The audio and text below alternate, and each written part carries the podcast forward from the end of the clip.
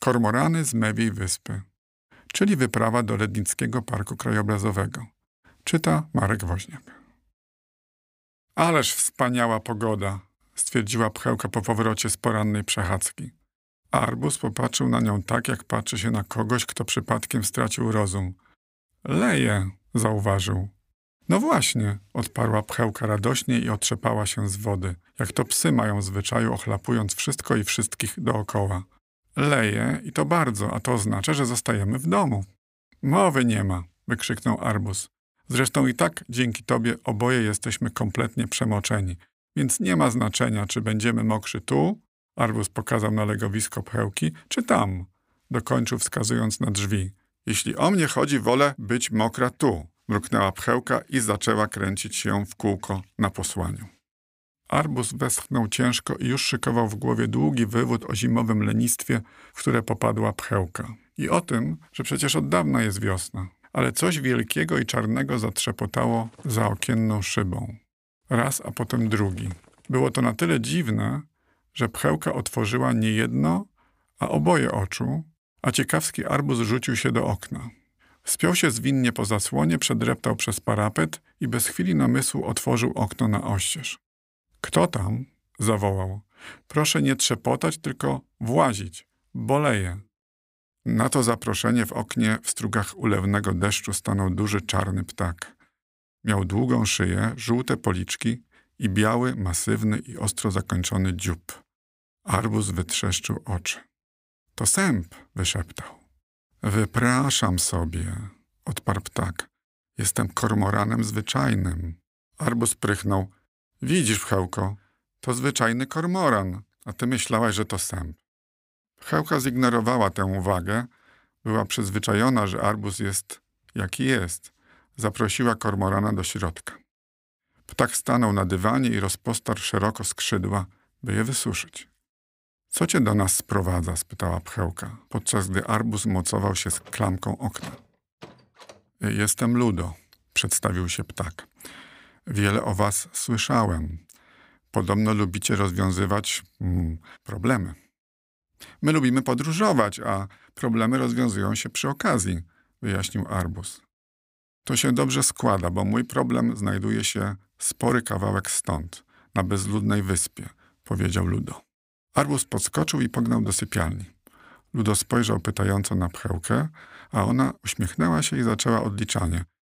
Cztery, trzy, dwa i jeden. W tym momencie do pokoju wrócił Arbus ubrany w żółtą nieprzemakalną pelerynę i maleńki rybacki kapelusik. W jednej łapce trzymał mapę, w drugiej marchewkę. Gotowy, zawołał dziarsko. Dalej, pchełko, zbieraj się. Pchełka spojrzała tęskno na swoje legowisko, a potem w mokre od deszczu okno. Westchnęła ciężko i ruszyła w stronę wyjścia. Prowadź, Ludo. Wszyscy troje wyszli z domu i dokładnie zamknęli drzwi. Wiecie, ja nie jestem do końca pewna, jak moi przyjaciele podróżują. Akurat o tym nie chcą ze mną rozmawiać. Być może dlatego, że jeżdżą na gapę. Nic mi nie wiadomo, by posiadali jakieś pieniądze, za które mogliby kupić bilety. Sama chyba wolę o tym nie wiedzieć. Przypuszczam, że tam, gdzie to możliwe, dojeżdżają pociągiem. Raz bowiem pchełka krzyknęła przez sen odjazd. Dużo też chodzą pieszo, to znaczy na łapach pchełki. Arbus uwielbia podróżować na moim psie. A mojemu psu to wcale nie przeszkadza. Niedawno wpadł mi w ręce artykuł z Pilskiej Gazety, w którym podobno kilku świadków widziało wielkiego kudłatego psa na rowerze. Nie wiem, nie wnikam. Niech to będzie ich słodką tajemnicą. Ważne, że co wieczór wracają cali i zdrowi do domu. Już prawie jesteśmy, oznajmił kormoran.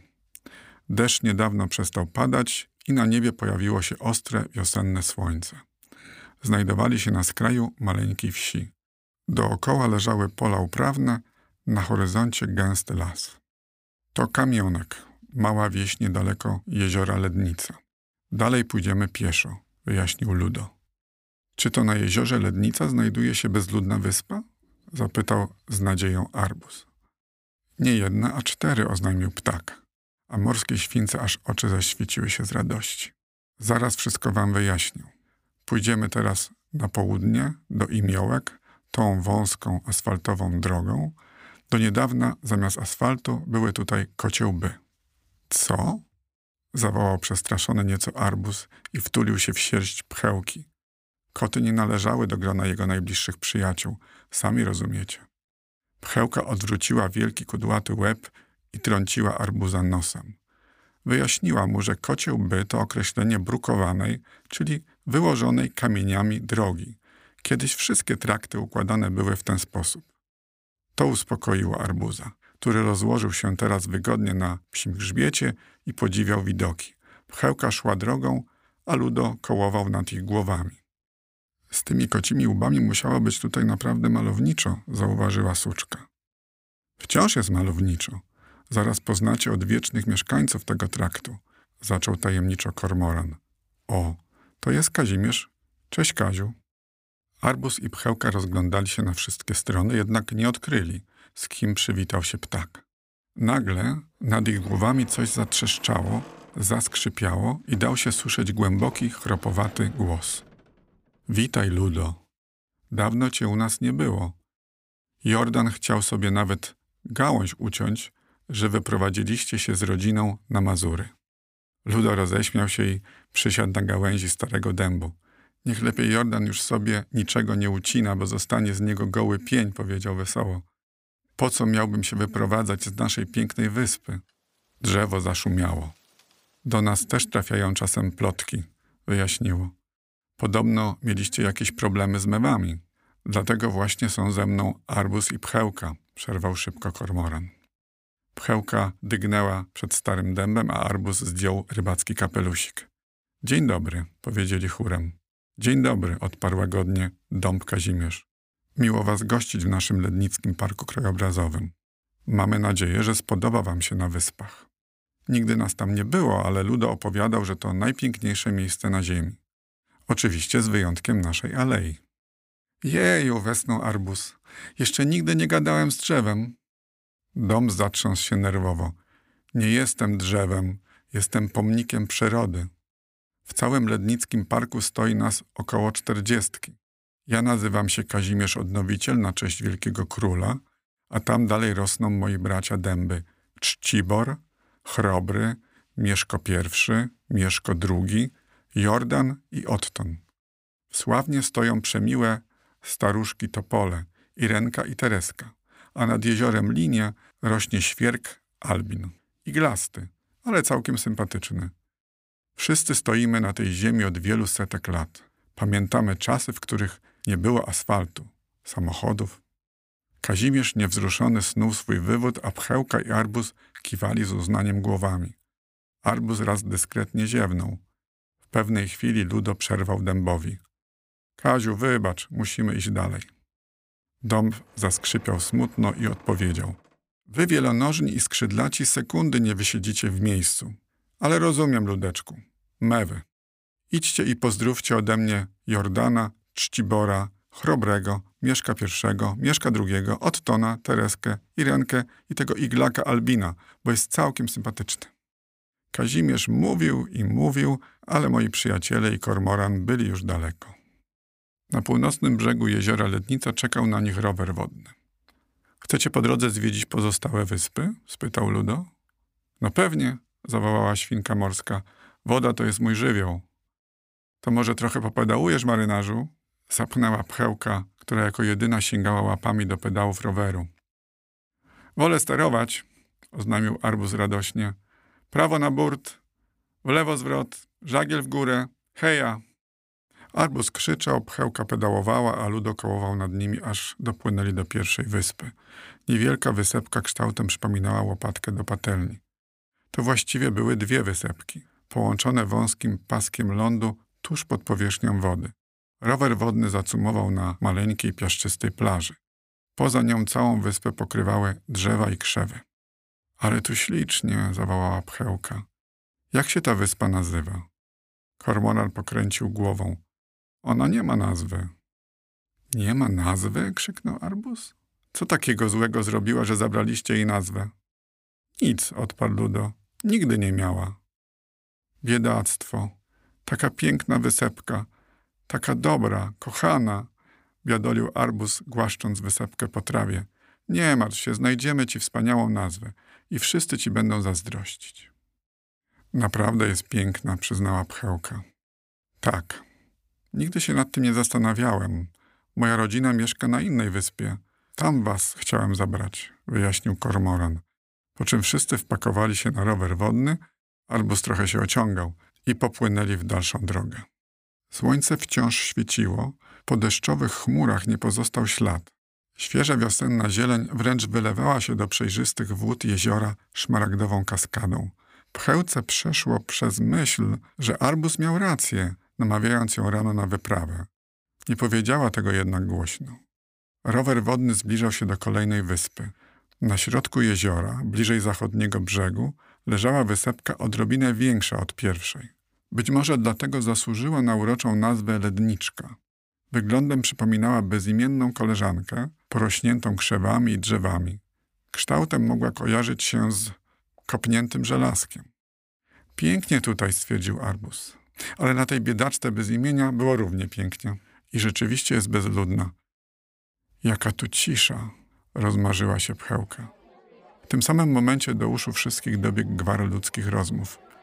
Prom przybił do brzegu, wyjaśnił Ludo, na sąsiedniej wyspie, największej i najważniejszej na naszym jeziorze. Popłyńmy tam, zawołał Arbus, który wprost kochał towarzystwo.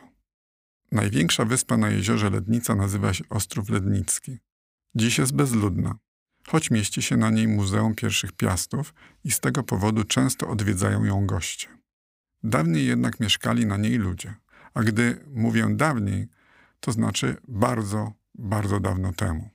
Pierwsze ślady ludzi osiedlonych na wyspie pochodzą aż z V wieku przed naszą erą, czyli 2,5 tysiąca lat temu. Możecie to sobie wyobrazić? Pierwsi mieszkańcy pozostawili po sobie skorupy naczyń, elementy chat i narzędzi. Wszystko to było głęboko zakopane w ziemi i nie tak dawno wydobyte przez archeologów. Wiele lat po pierwszych osadnikach, w X wieku naszej ery, na Ostrowie Lednickim stanął gród.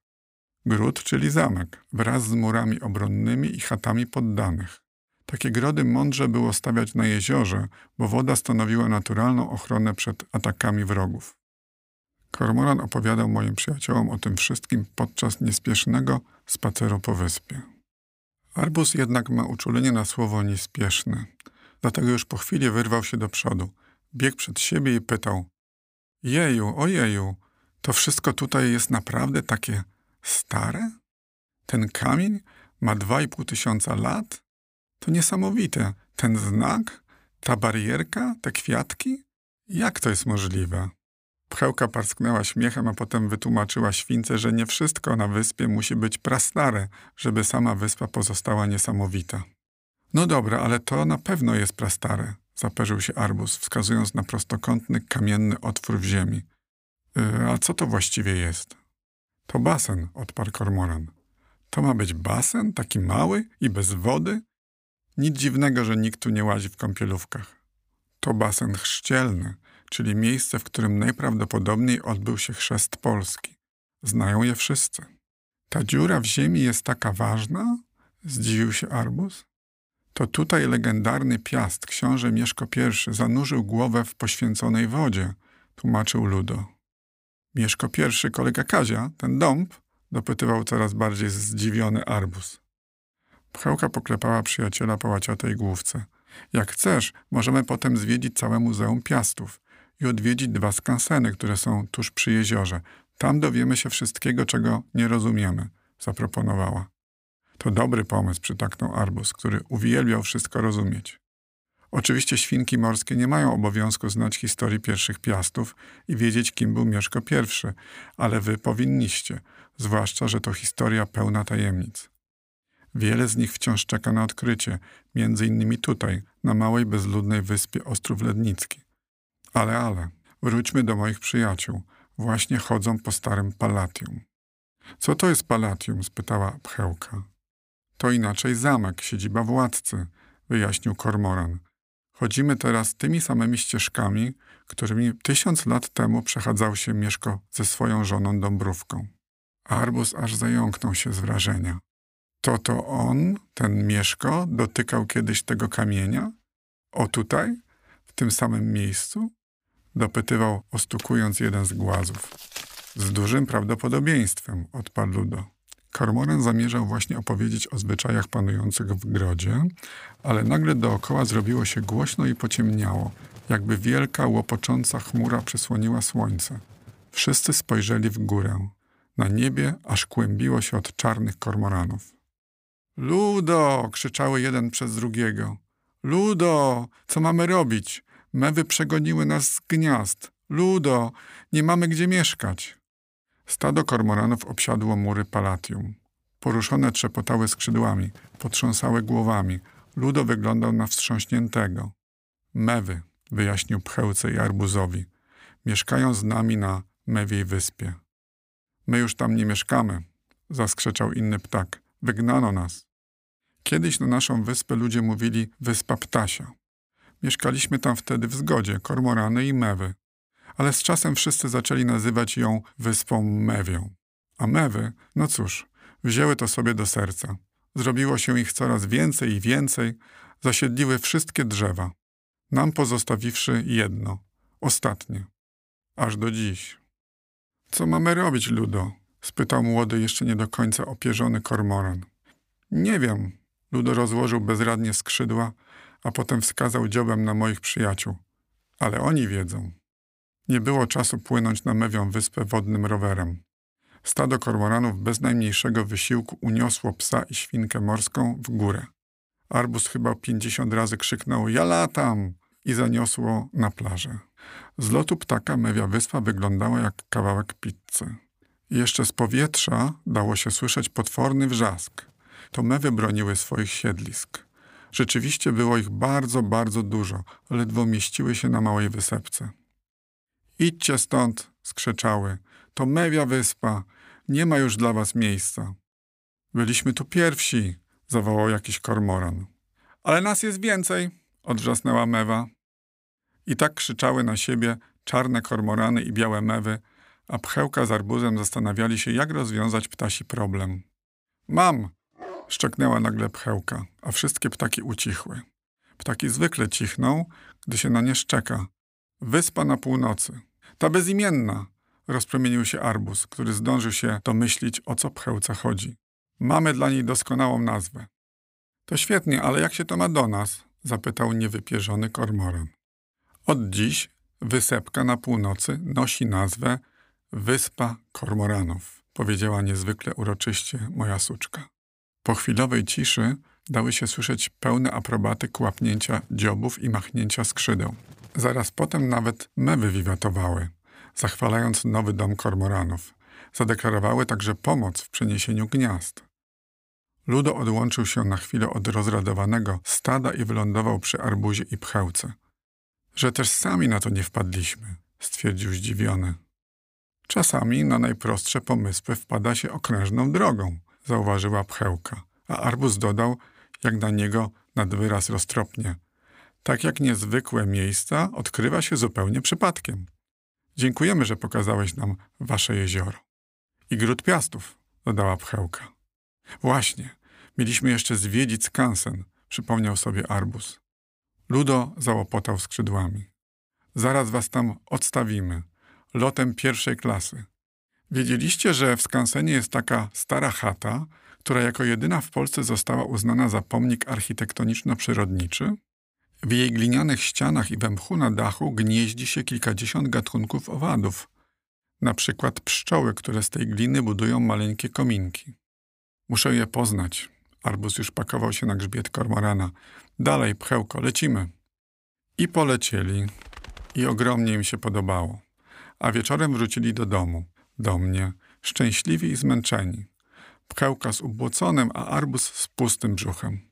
A ja obiecuję sobie, że też odwiedzę Lednicki Park Krajobrazowy, skanseny, kazia, bezludne wyspy, kormorany, i dotknę kamieni, których dawno, dawno temu dotykał pierwszy władca Polski Mieszko. Was też zachęcam. To tylko trzydzieści kilka kilometrów od Poznania.